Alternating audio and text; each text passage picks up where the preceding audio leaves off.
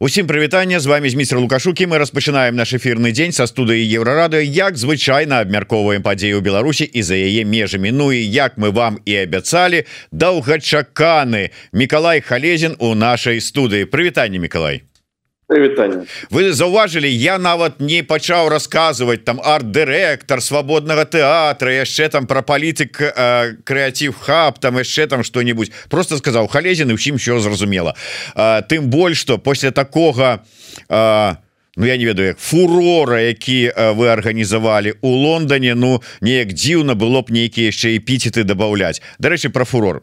Вот прайшоў час Ну па-першае віншаванне соры віншаванні з паспяховай прэм'ерай показам але прайшоў час вот водгукі от першасных нейкіх таких эмацыйна уражаных змяніліся не ці не? Вот что зараз якія зараз ідуць рэакцыі на прэм'еру ну, э, они не изменились, но э, вот мы всегда... Тут есть такая, вот, знаешь, штука. Мы избалованы тем, что у нас не было никогда провалов. И ты все время ждешь этого, каждую следующую премьеру, думаешь, ну он же может случиться, ну может же случиться. Но как бы ну, не случается пока, слава богу. Но при этом вот я очень не люблю единодушие критики. Вот когда это, когда все, все в одну струну там да, вот так хорошо, что прям все. Мне это не нравится. Мне нравится очень, когда вот, например... Подозрительная белорусская натура, одразу подозреваешь, там не может быть еще добро, что-то ну, тут да, не то. Знаешь, еще думаешь, думаешь еще, может, они уже к нам так привыкли, что мы всегда такие хорошие, что они как бы как-то не, ничего не, не критикуют. Но э, самое ценное э, все-таки, когда ты делаешь спектакль, чтобы он стал, особенно в нашем случае, когда ты не занимаешься такими классическими постановками, то хочется, чтобы был, был какой-то разброс мнений и чтобы была общественная дискуссия. И вот это э, самое ценное. И сейчас вот часть этой общественной дискуссии возникла, то есть, ну, потому, что, потому что были очень э, спорные моменты для многих э, таких сторонников классического построения оперы э, в том, что мы сделали, когда мы совместили драматических актеров с вокалистами, был, был э, даже вопрос о том, что э, можно ли сочетать оркестр с э, некой электронной подложкой. А, то есть, и вот как-то в итоге какое-то выкристаллизовалось мнение о том, что, наверное, лет через пять так будет выглядеть общий массив новых опер. То есть вот, вот как бы когда ты можешь синтезировать все совсем. И, и, и как бы тут мы получили, в общем-то, какие-то бонусы за то, что мы опять оказались как бы первыми. И даже там многие режиссеры оперные, которые сказали, ну да, у вас это получилось. Э, там некоторые пытались это делать, но у них не получалось. И поэтому отказывались на, на фазе еще начала работы над оперой.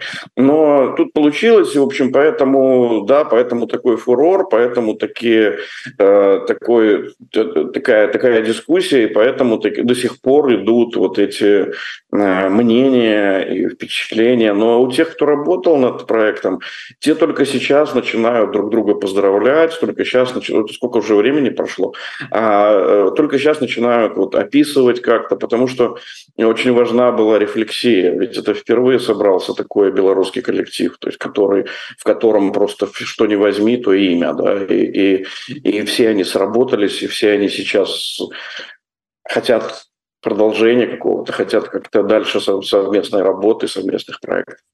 Э, я можа быть там не ўсё адсочваў але э, калі вот казаць про крытыку мне на вочы трапілася одно выказыванне не ведаю наколькі гэта ўсё ж таки моцна крытычная як это датычыцца увогуле ўсёй э, схемы і оперы але ты мне менш прогучала такая фраза на э, опера і спевы по-беларуску на беларускай мове паводле беларускага аўтара а выконваюць украінскія артысты вот як так можа быть вот такую крытычную заўвагу заўважу что ты скажешь ну, я, я, я понимаю, это когда ты понимаешь, что как бы это все-таки получился национальный белорусский продукт и э, такой как бы как бы еще и такой вот э, как, как это сказать, э, такое первого ряда, скажем так, да, то есть когда и вдруг там, да, вокалисты украинцы, но э, есть тут два момента. Э, первое, это уже э, там, во всяком случае, там два человека из пяти, из шести, это звезды уже, я бы сказал, мирового уровня. Я говорю про Андрея Бондаренко и про Тамару Калинкину. Э, и если у тебя есть возможность их взять в проект, то ты даже долго, очень долго не думаешь. То есть ты такой сразу понимаешь, что это счастливый лотерейный билет. Э, и ты понимаешь, что пока, к сожалению, наши вокалисты до такого уровня э, не доросли. Я заставлю за скобками Илью, под который, Илью Сельчукова, для которого, собственно, и писалось, под которого голос писался нынешний Белорецкий. А, э, потому что у него это семейное обстоятельство, он должен был петь э, эту главную партию. Но это семейное обстоятельство, которое нас очень, мы за него переживаем, и он вернется в этот проект, безусловно, вернется. И будет белорусский вокалист. Но, э, к сожалению, часть наших вокалистов, кто-то долго не работал, э, и кто-то, ну, у кого-то с голосом, ведь как только вокалист не поет год-два, а это еще было связано, э, если у украинцев это было связано еще с локдауном, то у нас не только с этим, а с тем, что еще и люди уволены, им было петь негде, и они ничего не, не, не наработали такого э, бронебойного имиджа э, в Европе, чтобы быть такими востребованными. Поэтому, да, поэтому у нас э, были сложности с белорусскими вокалистами. Ну, и отчасти из них продолжают работать в Белорусском театре оперы и балета, и э, многие высказались о том, что ну, не стоит нам сейчас ехать, потому что нас уволят. Ну, хорошо. То есть тогда это ваш выбор, я не, не могу его никак оценивать и понимаю, что да, у каждого своя жизнь. Ну, у нас была и обратная история, когда э, одному тенору украинскому, который, которого мы хотели брать в проект, мы уже его отобрали, прошел кастинг, и, э, и он написал, что он, он солист филармонии. Э, и ему директор филармонии сказал, что что с ума сошел, работать с белорусами сейчас, у тебя же будущее впереди. Ты же понимаешь, что ты можешь поставить крест на своей карьере.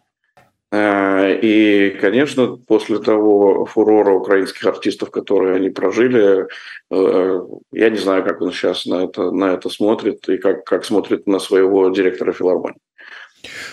Ну як вот разумеешь это ж вот такая імгненная слава А ён же ж на перспектыву на будучае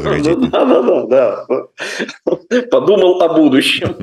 Ну, ну вось фактычна зараз Миколай адказаў на пытанне нашага гледача Макссіма чаму выпаў сельчукоў і калі яго чакаць. Таму патлумачылі чаму выпаў А калі чакаць. Я так спадзяюся падчас наступных показаў Да, конечно, когда мы, когда мы сейчас, э, это такая кропотливая работа, она гораздо еще более долгая, чем у драматических спектаклей, переговоры с оперными э, площадками. И когда мы это выстроим показы на дальнейшее, в каких странах и в каких городах и на каких сценах, то тогда мы и э, будем говорить, где будет, где будет петь там Бондаренко, где Сельчуков, где Губчук. То есть это, это такая история простая рутинная рабочая Миколай я не ведаю як это працуе вось у тэатралаў але я вот свой час працаваў с рок-музыкантамі я ведаю что вот ствараюцца новая программа яе добра атрэпетавалі все нота ў ноту без запіначки тэкст вывучылі. Але ўсё одно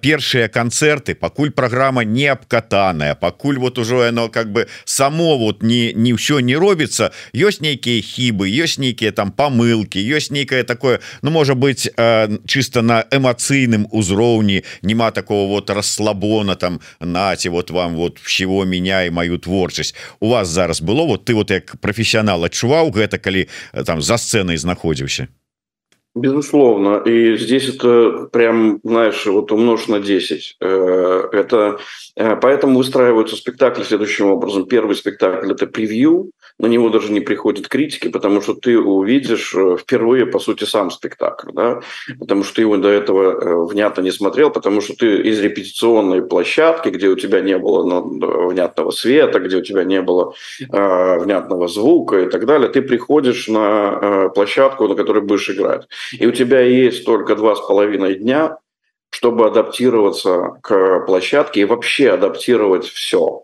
Вот все прямо к этому, даже, даже весь звук. Знаешь, у нас момент был, когда мы э, за, де, за два дня до премьеры мы понимаем, что звук плохой. Там, там, там звук не очень летит в Барбикон. Это не оперная площадка, и э, это драматическая площадка, там немножко другая специфика. И мы, э, проходит саундчек, мы понимаем, что э, со звуком все э, нехорошо. То есть не то, чтобы он там... Я понимаю, что обычному зрителю, может, и он и не услышит, но ну, человек сразу, если он, если он в этой профессии, то он сразу поймет, что у него э, грязное звучание. И э, тут пришли на выручку Виталик Алексеенок и э, Оля Подгайская, они композитор и, и дирижер. И они э, сказали, есть э, Ксюша, давай ее выпишем, она сидит в Мюнхене. Я не знал, и наша Наташа не знала, кто такая Ксюша, мы с ней не были знакомы. Э, и приезжает, э, прилетает, мы взяли билет, она, у нее, на счастье, оказалось три свободных дня, она прилетает э, в Лондон и проводит саундчек. И честно скажу, у меня был шок. Я такого даже, даже среди э, таких уже махровых профессионалов британских такого не видел. Она стала в центре зала, она проходила саундчек с каждым из инструментов, с каждым из вокалистов, из актеров, и э, давала такое пояснение оператору, столько-то децибел туда, столько-то сюда, столько-то тут понизим, тут повысим. Прямо вот такой птичий язык, в котором ты понимаешь очень мало. То есть даже если ты понимаешь в музыке, ты не понимаешь в этом. И вдруг все зазвучало просто потрясающе. И оказалось, что это наша белорусская девочка Ксюша. Я ее, я ее наградил э, званием Ксюха «Золотое ухо». Э, и это девочка, которая отстраивает э, большие симфонические оркестры во время записи в студии. И я даже не мог предположить, что э, у нас белорус, белорусы могут быть такими. Вот, вот когда в узкой специфике, в узком, в узком направлении вдруг человек может спасти, да, вот реально, реально кризисный человек, который приедет и все спасет. Ну и плюс были моменты, что ты когда адаптируешь, и ты при превью смотришь, зрители смотрят, зрители устраивают, устраивают стоячие овации, а ты просто в панике, потому что э, ты видишь, насколько все не дотянуто до того, как оно должно быть. И вот этот вот э, ночь э, между э, превью и пресс-найт, это как бы когда непосредственно была мировая премьера, это такой ад, ад со слезами, с криками, с, с топанием ногами, с головой об стену и так далее. Да, ну все поправили, и, и вот все сработало на премьере. Ну у прынцыпе э, кавалер ордена брытанской імперыі уже мае право раздаваць званні э, таксама э, там вот як ксюши спадзяюся что і я калі-небудзь заслужу какое-нибудь званне от вот целого кавалера ордена халезіна я вот некалькі каментароў прочитаю. Татяна фар фартинг піша глядела дзікае паляванне прэм'еру на белсаце можа ТВ не перадае ўсёй атмасферы почытала крытыку англамоўны эспрэс пишутць что незразумела але вельмі цікава цікава. На нормальная такая.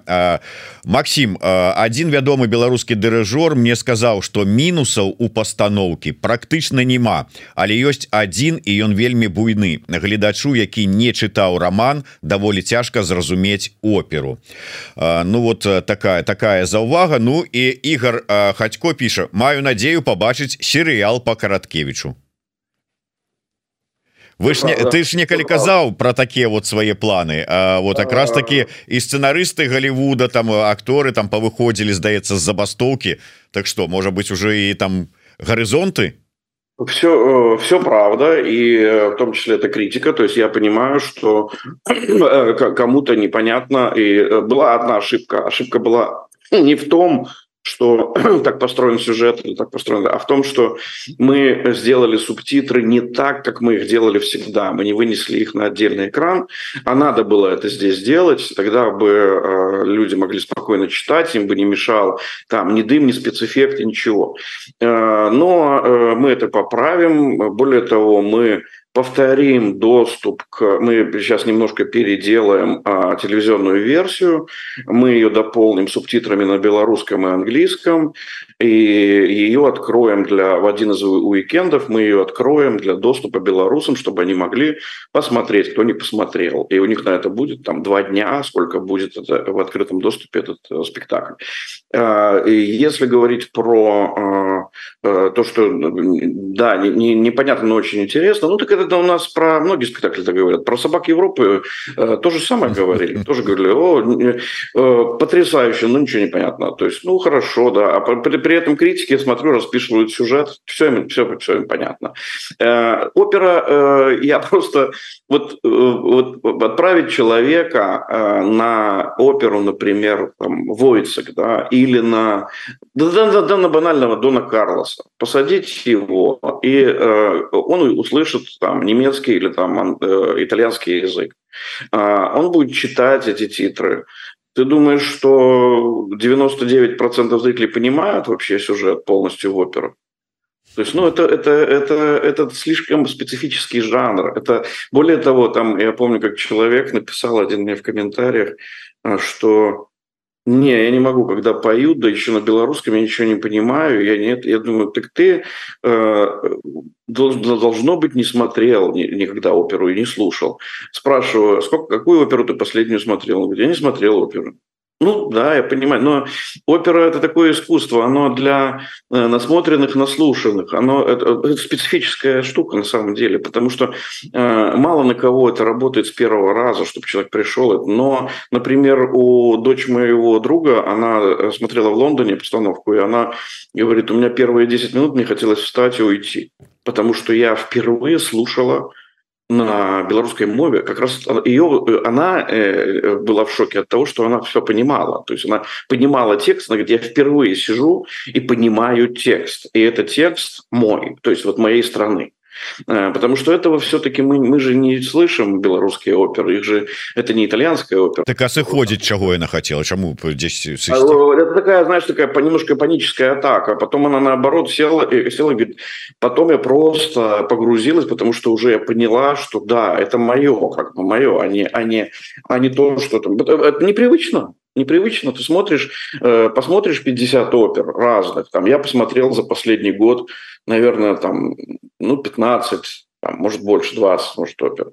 Э, все на разных языках. И, э, естественно, ни одного на белорусском. Ну, на русском один это, это «Войну, «Войну и мир» в Мюнхене, в Баварии посмотрел. А, но в целом ты, ты пытаешься вникнуть, э, если у тебя есть изложение на английском, ты пытаешься вникнуть в сюжет, хотя потом ты в какой-то момент понимаешь, что это, собственно, и не важно.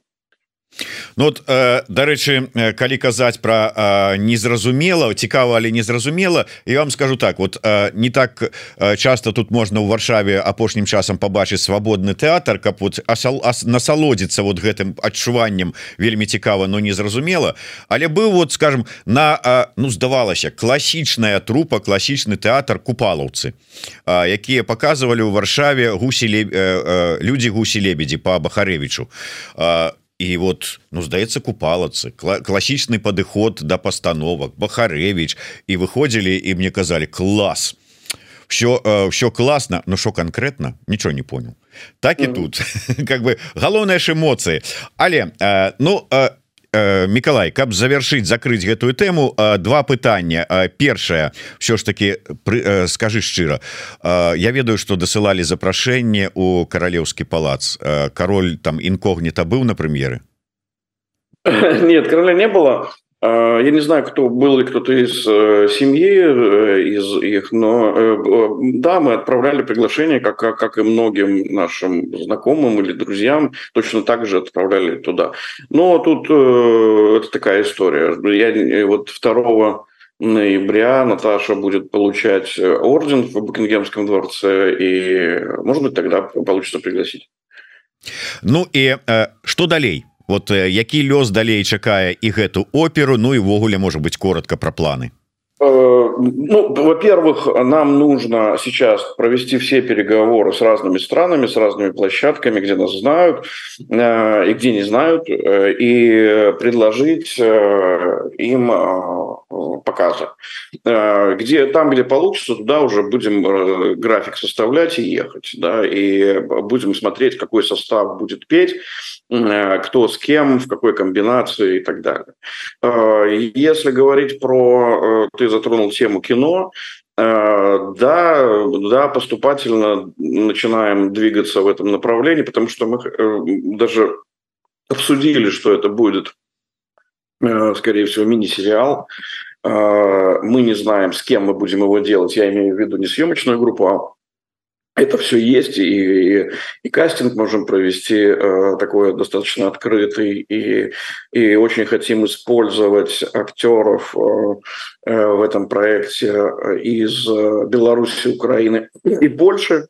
Э, такая мысль у нас есть, э, и потому что на, ну, к сожалению, к сожалению, высококлассных актеров на такой на большой кастинг э, только белорусских нам не хватит. То есть, ну, совершенно очевидная история. Поэтому будем брать шире, шире это, но, но хотим делать это как бы, как бы регионально. А, с какими стриминговых площадок будем говорить, еще не знаю, потому что выбор большой. Это там и Netflix, и Hulu, и Amazon, и Apple. Э, будем думать, с кем, с кем э, где конъюнктура сейчас лучше. Особенно учитывая вот эту последнюю забастовку и вот эти все нюансы. А, и параллельно будем работать над сценарием. Сейчас для того, чтобы предлагать стриминговым площадкам, нужно написать синопсис, тритмент и э, расписать первую серию. Э, уже ее, сделать ее сценарно. Э, ну, вот это такой план. Ну, помимо этого у нас еще в работе два документальных фильма. Помимо этого у нас еще э, есть моноспектакль. Это будет, наверное, для белорусов тоже сюрпризом. Моноспектакль одной из наших публичных фигур белорусских. И это пока не буду открывать, про кого это речь, но думаю, что будут многие удивлены. Боже мой няўжо тихохановская нет, нет. как бы это не хотелось но нет. А, а мне падалося ці я памыляюся ці прогучалі в адным з твоих інтэрв'ю папярэдніх слова про планы на музычную камедыю Э, это, это дело в том, что у нас, у нас уже был один э, подход к этой теме. Мы э, хотели сделать мюзикл по книге Джозефа Хеллера «Ловко 22», и они нам не дали права. И, потому что у него есть пьеса, вот берите и ставьте. Мы говорим, нет, она нас не устраивает. Это потрясающий роман, он абсолютно антимилитаристский, и сейчас он бы был вообще актуален. Это, это когда смешное и страшное находятся вот просто в доли секунды друг от друга. Но Э, не дали права, и мы сказали, ну хорошо, мы сделаем другой подход. И, и, и сейчас это обсуждается, сейчас это... Мы в такой же вот ситуации, мы немножко привели себя физически в порядок после премьеры. Э, там неделя у нас была, чтобы там пройти какие-то процедуры. Все, все начинают всегда после премьеры болеть. Это такой наш, э, особенность нашей индустрии. Э, а теперь можем подходить и начинать э, делать э, как бы свои подходы к графику и к планам. И на самом деле это такой очень важный вопрос, потому что в театр, у театров это всегда очень-очень-очень сложно, потому что ты можешь ошибиться просто с выбором материала, и никакого успеха у тебя не, не будет. Дарэчы вось цікавая такая Ну я не ведаю пожыда пожаданне назовём гэта так от нашага гледача под нікам Вадзім гонта. Ён піша перадайте калі ласку халезіну пожаданне ўжо до конца гэтага года поставіць балет на тэму лебядзінага возера Да, это, это, это неоднократно звучало даже на общественной дискуссии, которую проводила э, Барнесса Кеннеди с нами. И, и э, там тоже э, в зале прям э, люди все такие, может быть, уже пора Лебединое озеро. Э, да, наверное, пора. Тут надо как-то... Тут э, слишком трупа нужна большая, но я надеюсь, что мы все... Э, Или один, но высокопрофессиональный. Да, назовем его солист. Да. Миколай але ўсё ж таки калі мы кажам про лебединое озеро твоё меркаванне скажи кай ласка одна можа быть санкцыі даб'юць ці что ці вот у якім стане сёння гэты гэты працэс это санкцыйная война і як працяг як другі бок гэтага пытання днямі у чарговы раз там сплыла нейкая інфармацыя про тое як там праз нейкія краіны Азіі там Кыргызстан Таджикистан беларускі рэжым у яго атрымліваецца абыходзіць санкцыйныя вось гэтыя ўсе санкцыі карацей кажучы пастаўляць прадукты ўсё адно там па ўсім свеце. Что ў гэтым накірунку робіцца Ну вот мы, Наташа уже улетела в Америку, я полечу до первого числа, мы будем в Вашингтоне сразу, и э, мы, собственно говоря, узнаем, что там и как там. Э, но э, разговор о том, что э, э динамика, динамика такова, что ты не очень понимаешь, э, и политики не очень понимают, э, какая стратегия. Сейчас, сейчас основной разговор идет даже не вокруг санкций. Хотя, хотя это планово работается, то есть они планово... Вот недавно опять какой-то пакет приняли, и честно скажу, даже не посмотрел, потому что, э, потому что это это все недостаточно радикально, это все недостаточно, э, недостаточно мощная атака. Да? Это, это э, какие-то части хорошие, потом они был был момент, когда они там попытались включать какие-то персоны, которые мы говорим, вы думаете, что сейчас о персонах речь, что сейчас как бы вы там, блин, разговор уже идет, это, э, война, какие, какие персоны? Персоны вы можете только включать военных туда, но и то это ничего не даст, эти военные никуда из этой страны не выезжают, и единственное, куда могут поехать в Украину и там либо сгореть, либо нанести там украинцам урон. Э, и поэтому тут как бы не про персоны речь вообще. Э, ну и плюс была видна какая-то конъюнктура во всем этом. А вот что касается там э, обхода санкций, то да, эта работа ведется хорошо американцами. Они недавно накрыли там несколько компаний и, по-моему, даже уголовные дела уже идут по ним. Но по, если говорить по Европе, то они, как всегда, еле-еле шевелятся в этом вопросе и не понимают, как это работает. А работает это, да, сейчас через Турцию, через Азербайджан, через э, Казахстан. Э, через, э, когда я дал просто доступ в один из чатов, я прописался, выдал себя за логистикой, прописался в одном из чатов где обсуждают как раз обход санкций. Я туда, это, туда направил там одного человека, который занимается этими вопросами. Он, он мне оттуда написал, у меня ощущение, что это ты сам создал такой фейк из э, там 100 аккаунтов, и, и меня разводишь, потому что я говорит, не могу поверить, что люди в открытом эфире обсуждают обход санкций и называют там счета, номера, там, названия банков, номера счетов, э, как проплачивать, куда что. Говорит, он говорит, они сумасшедшие. Что я говорю, ну, они просто еще не понимают, еще, еще по ним не ударило вот это уголовные статьи за обход санкций. Ну, э, да, надеюсь, что когда-то это сработает э, быстрее. Но в целом, да, Лукашенко отлично подкармливается, и, пользуясь вот этим нашим южным таким южным маршрутом. Э, Миколай вот э, колькі разоў я чую тебе гэтыя словы про тое что вот Еўропа может быть не разумее як это працуе. Там уже выдатно все разумее. Але як кажуць амерыканцы але перакладываючы на еўрапейскі курс 20 евро ёсць 20 евро і заработать усім хочется і все выдатна разумець для чаго гэтыя спецслужбы? У кожнай краіне ёсць. Там і аператыўна-аналітычныя умоўна цэнтры. Ўсё гэта такое аналітыка. Для чаго яны Да, в странах, в странах все есть и работает, и мы работали и с литовцами, и с поляками, и с латышами, э, когда мы рассказывали им про определенные маршруты определенных э, транспортных средств, которые провозили там сигареты и прочее. То есть и они их, да, ловили, все, все в порядке. Но э, суть-то в том, что э, когда мы говорим про контролирующий орган, который должен останавливать это, это орган не стран, потому что э, эти страны не допущены к, это, к этой работе. Это орган Евросоюза.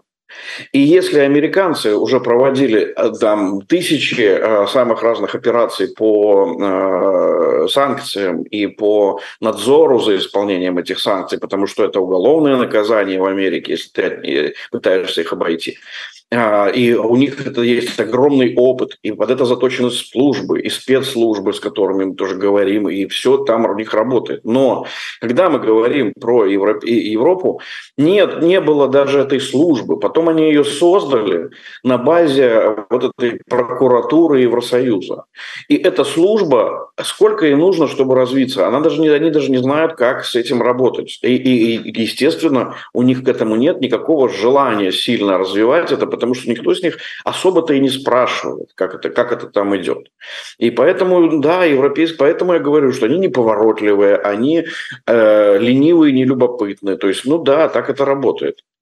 Слухай, ну дзіўна конечно гучыць. Як вот а, знайсці что чалавек 20 гадоў тому по контракте там служыў там у войску там ці где-то что ў міліцыі і зараз прызнаць яго что ён стварае нейкую там без э, небяспеку нацыянальнай бяспеки гэта яны хутка у іх атрымліваецца. А тут вот на вачах і яны не бачаць не могуць не атрымліваецца а вот, вот смотри, допустим, Лукашенко э, там обходит с помощью Турции, там э, переправляет свои там партии к чего-то, да, неважно чего. Э, какое дело до этого э, польским спецслужбам, которые очень хорошие, это очень хорошая спецслужба, но э, какое им до этого дело? Им до этого нет, поэтому у, у них есть своя работа. И, и взгромоздить на себя еще работу эту, ну какое, это не их полномочия, не их э, компетенция. Это, это вопросы Европы, потому что этот контрафактный продукт ходит по Европе. Да? То есть, он, конечно, они этим занимаются, когда это касается их стран тогда они готовы, потому что да, это становится их работой. А так нет, так это какое-то общее дело, а у семи нянек дитя без глазу. Ну, такая пословица. Прогучалі те словы про тое что вот это новые санкцыйныя нейкіе там пакеты ці там рашэнні яны недастаткова радыкальныя вожык патрыот пытается. А вось міграцыйная гісторыя Латвія ўжо кажа что хоча цалкам закрыть мяжу. Гэта будет дастаткова радыкальна А, это э, вообще это дискуссионная история, конечно. Потому что кто-то говорит, что да, нужно изолировать, кто-то говорит, что не нужно изолировать, что у белорусов должен быть доступ, э, как бы, потому что даже русские, вон, блин, получают визы шенгенские и ездят отдыхать в Европу сейчас. То есть, ну, что для меня является э, как бы нонсенсом. Ну, может, и... хорошие русские. Да мне все равно, какие. Они вообще это как бы страна, которая агрессор. То есть как, что это, что это? Ну, э, что не, немцы э, ездили в, на Алтай по турпутевкам, что ли, во время Второй мировой войны? Ну, это странно. А, и, и вот э, как бы получается, что э, белорусов, да, вот сейчас закрывают эти переходы. Я понимаю, что э, это то, как себе представляют литовские и латышские власти а, борьбу. Но мы же видели, как литовцы представляют. Нужно всех белорусов назвать агрессорами и все запретить, и регистрацию, и прочее, прочее. Ну, это ваш выбор, это ваша страна. Мы же не можем им сказать, что, ну, слава богу, что, э, что та же там э, Тихановская и э, ее там кабинет пытаются разрулить все эти вопросы с перекосами в отношении белорусов. Но, но если нужно политику объяснять, что почему мы вдруг оказались все за границей, то я не знаю, мне тогда не нужно. Если нужно объяснять, значит не нужно объяснять. Потому что, потому что это значит, что этот политик не хочет ничего слышать. Потому что этот политик выстраивает свою, э, свою историю к выборам. То же самое, что происходит сейчас в Польше. То есть, ну понятно, всем нужно получить э, на выборах э, свой мандат. Да, понимаю, но когда вы начинаете за получением своего мандата внутри своей страны, э, вы начинаете прессовать каких-то людей просто так, чтобы наработать политический капитал, мне кажется, это цинично и на самом деле это я использую скорее слово подло. Это подло реально. Дарэчы про палітычны капітал вот абмяркоўвалі з табой гэтую цікавую ініцыятыву як прыцягнуць да суда еўракамісію вот як табе падаецца атрымаецца зарабіць на гэтым палітычны капітал і ці пойдзе ён на карысць як гэтаму самому зарабніку так і беларускаму грамадству у меня я когда жене любимый рассказал про то, что э, про эту инициативу, она, э, она думала, что я ей рассказываю какой-то свой сон. Наверное, я как бы не в себе немножко, потому что я во сне увидел какое-то сумасшествие, и вот ей пересказываю. Э, а когда говорил с одним из европейских политиков, он просто покрутил пальцем у виска. Он сказал, ну, э, у нас, он поляк сам, и он сказал, э, ты знаешь, некоторые люди у нас, когда переезжали э, во время военного положения, смогли уезжать в разные страны, Э, у некоторых тоже э, срывало крышу. Я говорю, ну, понимаю. Э, подать в Европейский суд на Еврокомиссию за то, что она не, не, не дает какому-то белорусскому активисту эфиры, то есть, ну, наверное, это, наверное, это может быть, но я думаю, что следующий иск будет, когда Еврокомиссия тоже покрутит пальцем у виска, и Европейский суд покрутит пальцем у виска. После этого, скорее всего, Э, будет э, иск э, к Богу на Европейский суд. То есть, потому что я, я других уже вариантов не знаю, но это очень комично вообще все. Если так вот послушать, то это какое-то на грани безумия. Потому вот я, я понимаю, что вместо того, чтобы делать какое-то дело полезное, люди за него, у людей есть время заниматься какой-то чушью вообще. Но но это их время и они на это имеют право. Такова демократия. Ну чаму ты не ведаешь куды яшчэ можна звяртацца вот у высоцкого была вельмі добрая парада обращаться в спорт латону. Спортлото да. Э, и на самом деле в спортлото у меня ощущение что было бы больше результата да. То есть когда э, вот как что нужно предъявить еврокомиссии чтобы подать в Европейский суд. Вот у тебя долж, должно быть 20 э, томов э, уголовного дела какого-то, полностью проработанного с, с абсолютными доказательствами, что они поступили как-то не так.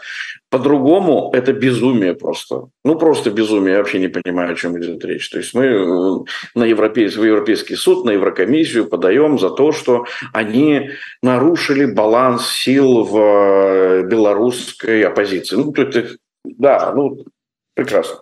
А я да іншага хацеў бы звярнуцца пра палітычныя вот гэтыя усе справы ўсё ж такі як табе бачыцца тое что адбываецца зараз с тымі самымі дэкрэтам ці як там рашэнне наконт пашпартоў наконт абмежаванняў там дзейнасці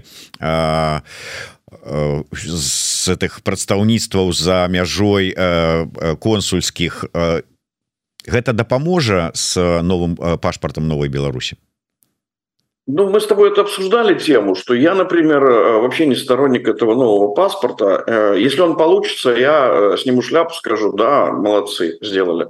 Но в целом можно решать было все гораздо быстрее, потому что вопрос вам ехать или шашечки, да, то есть как бы вот вы, вы когда э, я, мы получили э, семьей политический статус политического беженца, мы получили э, сразу travel документ, да, вот этот э, документ о международной защите, который позволяет тебе перемещаться по миру. Ты получаешь туда визы и ездишь точно так же, как это было с белорусским паспортом. То есть ничем это не отличалось. Э, сейчас даже неизвестно, что лучше. Э, белорусский паспорт или все-таки travel документ международный. Э, и э, потому что нам бы надо было ездить, мы не могли прервать мировой тур. Там спектакли ездили в туре по миру. Мы, нам нужно было ехать. И мы так прожили там сколько-то лет, пока не получили э, гражданство. Э, это, это обычная э, нормальная рабочая процедура. Но если мы хотим какой-то, если бы мы думали о том, что хотим мы, чтобы это был белорусский паспорт какой-то, да еще вот э, такой-то и такой-то, которого еще не существует пока в мире, то мы бы до сих пор сидели просто ровно на месте в одном городе, никуда бы не выезжали. Э, поэтому нам нужно было ехать и работать. Но, но если разговор идет про некую политическую историю, про политический акт, да, это хорошо хорошо, что там этим занимаются. Но если про помощь людям, которые сейчас на сегодняшний день не могут пересекать границы стран, то нужно делать это быстро и эффективно. И мне кажется, что здесь э, э, путь к переговорам в каждой стране, где что могли бы при, э, давать белорусам э, э, эти э, международные паспорта, это было бы гораздо эффективнее и быстрее. Тем более, что любому государству выгоднее дать такой документ, чем его не дать. Да? Э, допустим, Беларусь был э, резидент там какой-нибудь там Греции, э, раз уж мы коснулись дела об Европейском суде. И ему нужен документ. И в случае, если человек подаст им о международной защите, о том, чтобы ему присвоили статус политического беженца, то тогда государство, оно, естественно, его даст, а куда оно денется, потому что объективные причины. А, и вопрос будет в том, что э, нужно ему помимо того, чтобы дать какой-то проездной документ, помимо этого ему нужно дать еще э, возможность э, там учиться, пособие и так далее, и так далее. В случае, если бы прошли эти переговоры между кабинетом и странами, то и просто, как в Польше сейчас, давали этот документ, то государство не несло бы ответственности за там, добробыт этого, этого человека. Да? Оно не обязано платить ему там курсы, курсы на языка оплачивать, оплачивать ему какое-то пособие и так далее. Просто тебе дали документ, работай. Ты, ты работаешь налогоплательщик, вот документ, можешь ездить. Более того, ты здесь платишь налоги, мы тебя э, любим, ценим, уважаем. Все, все просто. Э, поэтому я за э, быстрое решение и эффективное решение этих документальных вопросов. Тем более, что мне кажется, что это не совсем ну, не совсем тот, э, не совсем тот путь, которым нужно долго-долго годами идти, э, потому что люди страдают сейчас, которые не могут, в том числе и те, которые выехали, которые не могут перемещаться, не могут видеть свои семьи, там, увидеться и так далее. Ну, я таксама цалкам згодны в этой ситуации что э, калі ты э, потрапіў такую ситуацию за мяжой что вот праблема у тебе с пашпартом э, не варта чакаць сядзець чакаць пакуль что ну вот кавалеўскі там э, абяцаў вячу і вячорка казаў что уже ў наступным годзе уже пачнем можа быть там нешта нават і выдаваць э, сядзець і чакаць Ну я атрымаю а атрымаеш можа быть. Хай будзе і такі пашпарт. Але лепей сёння уже а лепей учора пайсці і падацца на той же самы тревел документ калі не на оборону да палітычнага моманта шмат размова ўжо апошнія некалькі месяцаў пра вось гэтая магчымасць того что гага выдасць ордер на арышты лукашэнкі. І латушка туды документы отвёз на конту украінскіх дзяцей і гэтак далей. І я чую такія словы про тое что уже выпісалі але палітычнага рашэння няма. Так вось сапраўды палітычнае рашэнне у гэтай сітуацыі з гаагскім крымінальным судом мае нейкае значэнне. Што стрымлівае? Э, у нас мы же еще а, оформили еще в 2020 году иск, э, первый, самый первый иск в Гагу. По, э, нам помогали очень британские адвокаты, и единственная возможность была это по доказать, доказательству, там, по-моему, что-то там 500 человек у нас свидетелей, принуждение к эмиграции и депортации.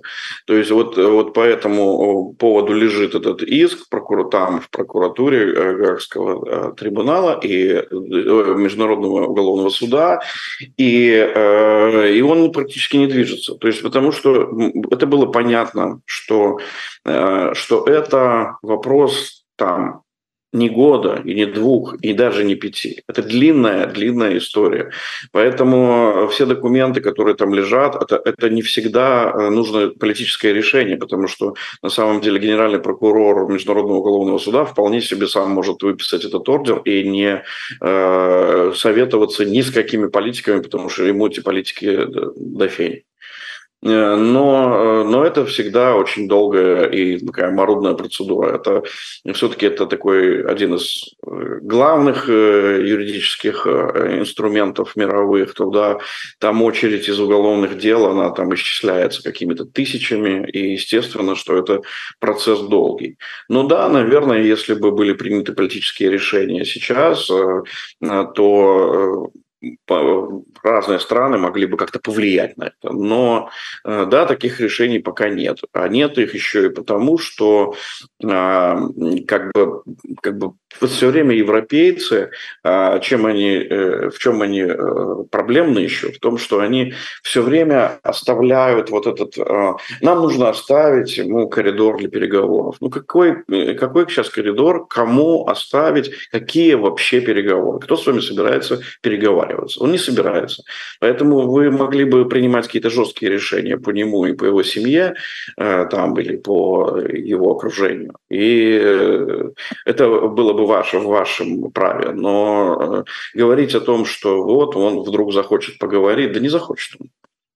Николай хацелася б твоё меркаванне пачуць как бы по выніках генассамблеі Ан дакладней по прысутнасці там прадстаўніцтва беларускай дэмакратычных сілаў шмат пісалі вот я тут як пагляжу паведамленні ад офіса і ад Ганны красуліны і там ціхановская з тым сустрэлася і з тым сустрэлася і ўзровень высокі і дамовіліся прыгожа але вот як ты ацэньваеш вынікі Я, ты знаешь, у меня э, сейчас э, уже, э, значит, когда произносит фразу ООН, у меня такая идиосин, идиосинкразия. Я, я не могу э, обсуждать это, потому что я даже когда в заголовке читаю, что, -то, что это ООН, я не читаю материал.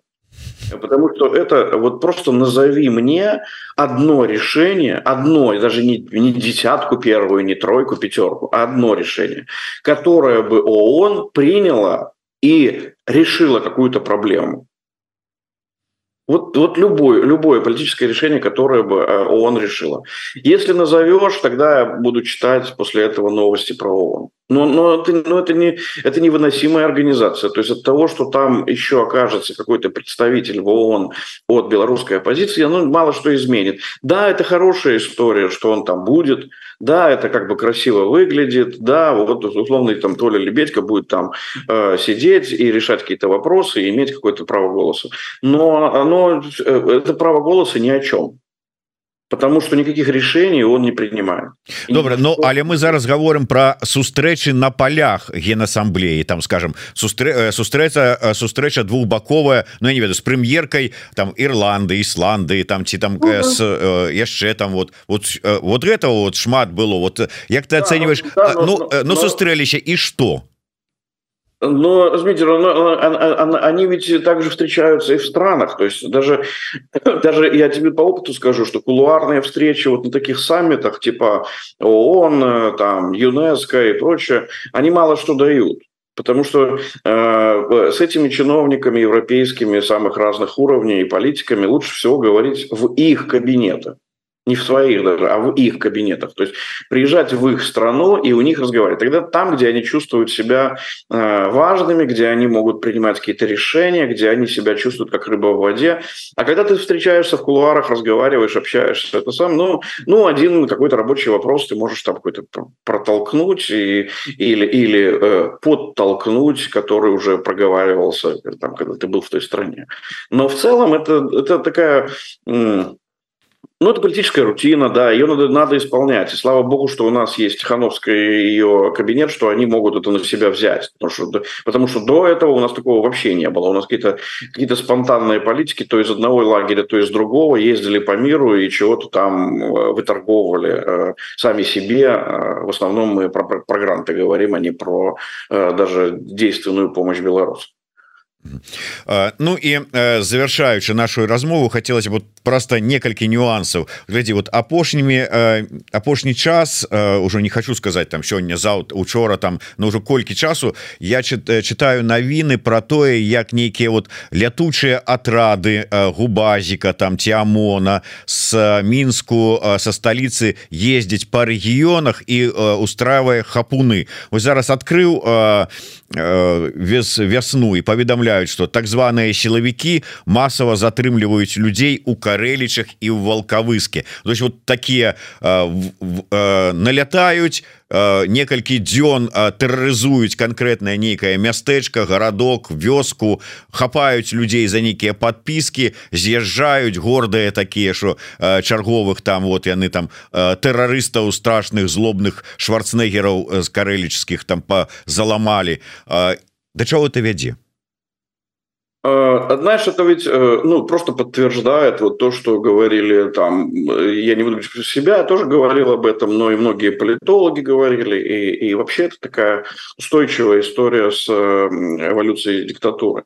Когда э, это люди, ведь э, машина э, диктата, она, она не бывает в э, спокойном состоянии. Так не бывает, что репрессивный аппарат, который призван там охранять диктатора и там стрелять налево-направо, чтобы он вдруг остановился, и они такие, у нас у всех отпуск, мы такие на Мальдивах лежим кверху животами, а вы пока, белорусы, отдохните от нас. Такого не бывает.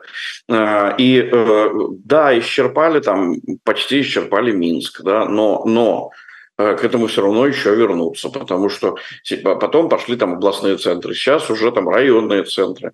Да, это все будет длиться, потому что им нужно писать отчеты. У них же спрашивают, почему ты мне в прошлом месяце 14 человек посадил, а в этом двоих. Что это? Ты, значит, не работаешь? Значит, он будет ездить, он будет находить какие-то деревни, будет каких-то бабушек щемить там. Э, и, и это не будет останавливаться. Более того, оно должно развиваться по экспоненте. То есть оно должно э, увеличиваться в размерах и в объемах. Поэтому э, следующая фаза будет, когда начнут брать своих, потом вернуться опять в Минск и скажут, давай-ка мы еще раз проредим тех, кто там у нас был, еще там по тысячу человек посадим. То есть это, это, это процесс, он, он, он, он не останавливается. Он, и, и если проанализировать историю с диктатурами в Испании, в Греции, в Аргентине, э, то э, там шло точно так же все. Абсолютно и те же машины, и, э, которые приезжали, и те же, которые увозили в лес, и в лесу закапывали людей, и убивали, и, и все это, и сажали, и суды, и так далее. Но это, это, это надо понимать, что оно остановится только когда Э, этого человека на посту на этом, э, или физически не станет, или он станет переместиться там на Володар. Вот тогда эта машина остановится. Но сейчас нет, к сожалению.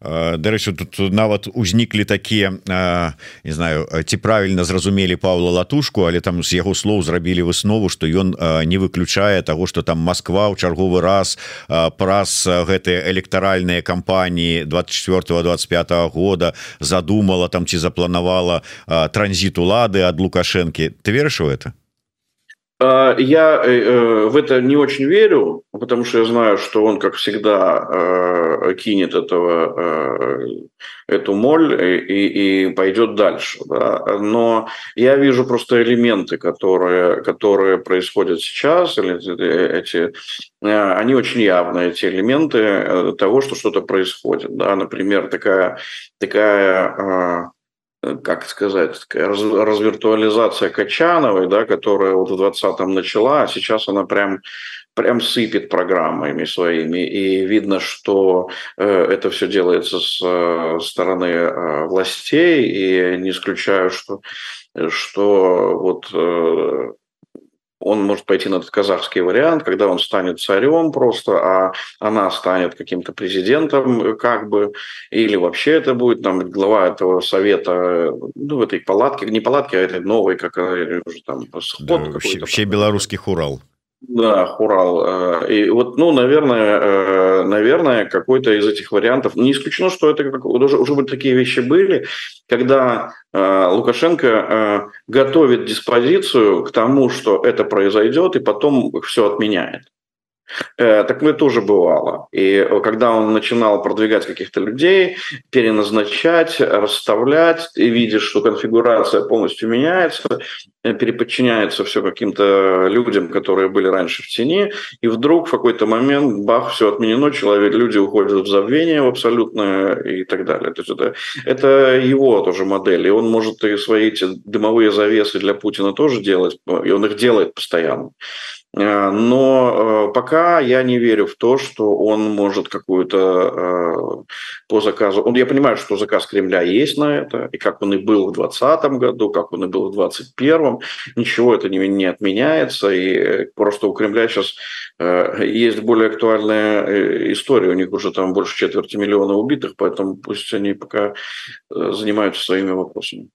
Ну і э, на завяршэнне але першым я дам задам апошняе там э, пытанне э, я хацеў бы параіць усім подписываться на телеграм-канал спадара Миколая хз Халезин знает вельмі такое э, прываблівая назва э, умее Николай прыцягнуць да увагу да сябе і сваёй дзейнасці э, і безумоўна не забывайте подписываться на YouTube канал еврорады. Раз э, пожашарвайте ставьте падабайки задавайте пытанне Миколай э, глядзі вот апошнім часам э, з'явіўся спачатку альбом э, бенькі с выдатнымі песнямі такими пэўнымі рэфлексіямі на падзеі э, э, пасля двадцатого года а потым башлыкевича альбом зараз выйшаў альбом лявона вольскага эмігранты сёння раніцай мне тэлефанаваў володя пугач рассказываў что таксама у іх ужо ёсць пэўная такі сингл на такую ж вось тэму асэнсавання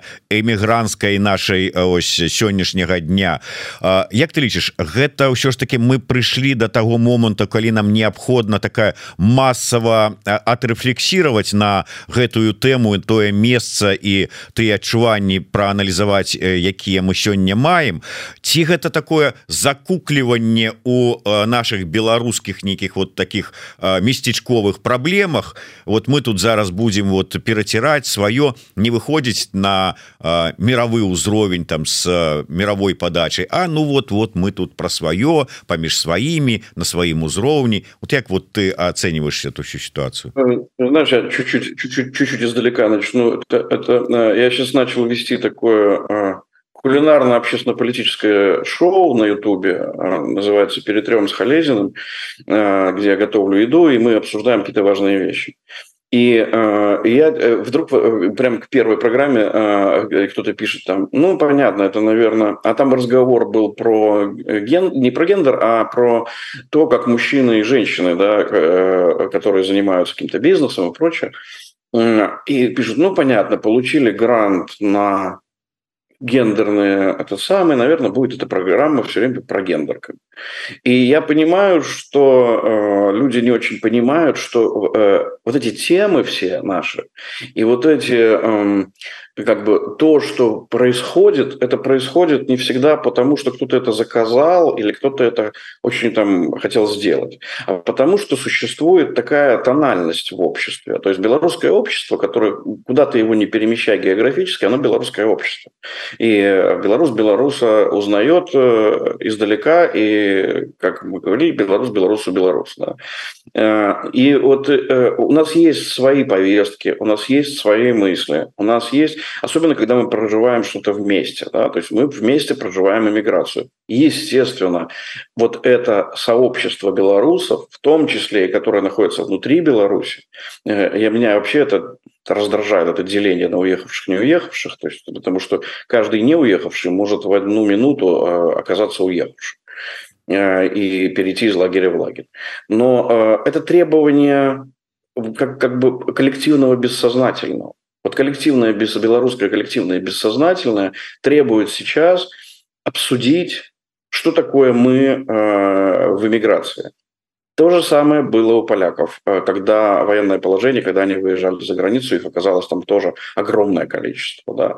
И э, я помню песню «Наша класса», это где описывается, как, был класс в, в Польше, э, и этот класс разъехался, и кто в Испании, кто в Канаде, кто в Германии, кто где. Да. Кто-то спился, а кто-то богатый человек. И вот, э, вот это то, э, и это была тоже рефлексия на, на, этот, э, на перемещение, как бы все на миграцию. Э, и сейчас это будет, э, и потому что, потому что это то, что нам нужно э, не просто отрефлексировать, а нам нужно прийти к какому-то выводу. Если мы уехали, то зачем мы уехали? Потому что ответов на этот вопрос очень много. Один ответ – это мы уехали, чтобы хорошо жить. Второе, чтобы реализовать свои а, возможности. Третье, что потому что мне невозможно было оставаться там. И тогда, а может быть комбинация всего этого, да. Но мы должны это понять для себя. Зачем, зачем мы вообще? Это как этот философский вопрос, философские вопросы, кто виноват, что делать, так и здесь. Кто мы сейчас? Мы э, остаемся белорусами или кто-то уже адаптировался и уже э, там мимикрировал под и стал там условным венгром или немцем, да? э, мы не знаем. Поэтому, когда э, творческие люди, которые быстрее всего, быстрее всех чувствуют вот эту тональность в обществе и настроение, они быстрее начинают э, рефлексировать и быстрее пытаться э, прийти к каким-то выводам. То есть, но э, задача сейчас белорусских творцов это не Э, не давать ответы. Наша задача задавать вопросы.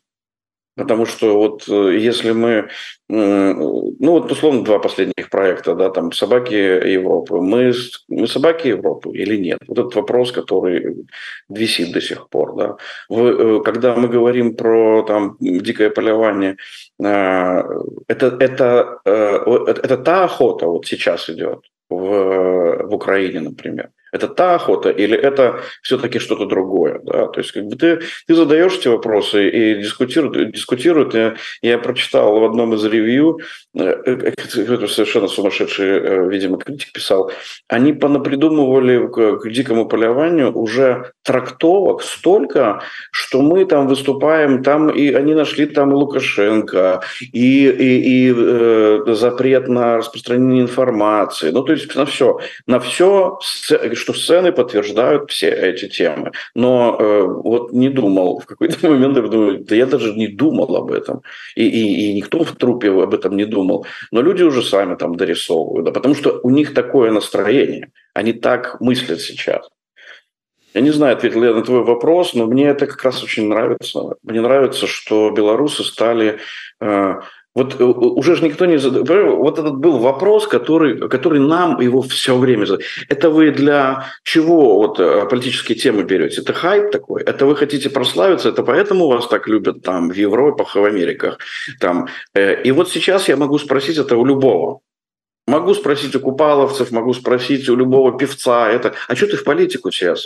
Потому что политика взяла тебя за горло, и лишила тебя твоей страны, твоего дома э, и э, паспорта, да, и, и, и более того, хочет забрать вообще у тебя все, и желательно, чтобы тебя не было на свете. И тогда ты уже не, не думаешь о том, что о политике ли я говорю на, со сцены, о чем я вообще. То есть, и как-то этот вопрос пропал из, из повестки белорусской. Уже никто не говорит, что вот политиканы – это искусство, хотят прославиться за счет Лукашенко. Да? Нет, не за счет Лукашенко. Это э, потому, что нас же прессует не Лукашенко, нас прессуют такие же белорусы, как и мы. Ну, если оставить за кадром русских. Дякую вялікі На жаль трэба завершаць нашу размову хотя с Миколаем можна заўсёды размаўляць доўга і вельмі цікава Ну что ж я спадзяюся что оперу дзікае паляванне караля стаха змогуць побачыць не толькі лондонцы і тыя беларусы якія здолелі не толькі з у Брытаніі але і нават з Польшчы даляцець на прэм'еру але і мы тут так бы мовіць такія не вельмі такія мабільныя зможам прыйсці ўжо тут у варшаве паслухаць паглядзець атрымаць асалоду. Так что э, Дякую вялікі Миколай чакаем э, сустрэчу і э, добрай поездки у ЗША так хай ўсё атрымаецца. Жыве Беларусь.